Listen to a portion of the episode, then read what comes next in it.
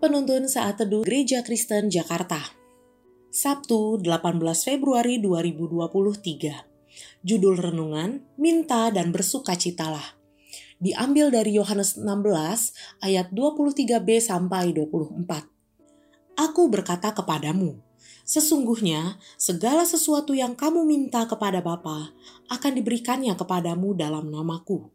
Sampai sekarang, kamu belum meminta sesuatu pun dalam namaku. Mintalah, maka kamu akan menerima, supaya penuhlah sukacitamu. Di tepi sungai besar yang biasa dilayari kapal, seorang anak kecil sedang memancing ikan.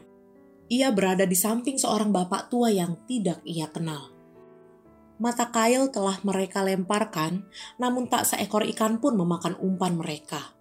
Sambil melihat kapal yang hilir mudik di sungai itu, tiba-tiba sang anak melihat sebuah kapal besar di kejauhan. Dengan wajah berseri, ia melepaskan bajunya dan melambai-lambaikan ke arah kapal itu. Orang tua itu merasa heran dan berpikir, mana mungkin kapal itu akan memedulikan lambaian anak itu. Tidak mungkin juga kapal itu akan datang mendekati mereka.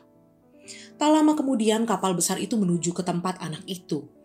Orang tua itu terheran dan berpikir, mengapa kapal besar itu menghampiri mereka?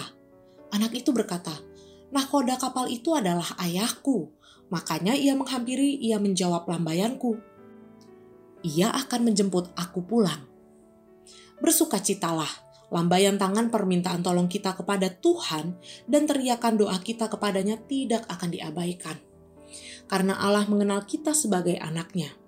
Yesus ingin menyampaikan bahwa terjadi pemulihan hubungan antara dia dan umat pilihannya.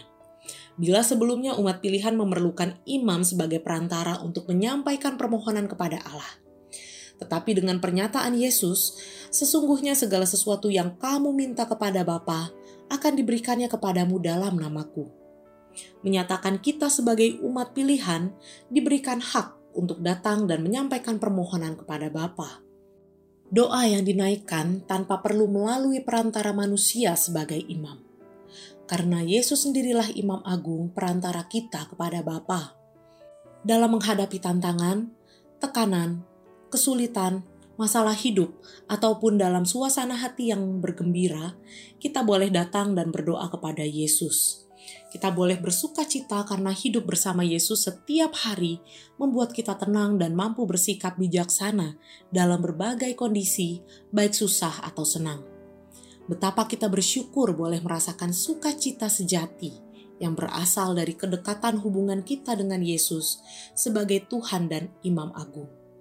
Sebagai umat pilihan, Allah memberikan hak berdoa kepadanya dan menerima sukacita.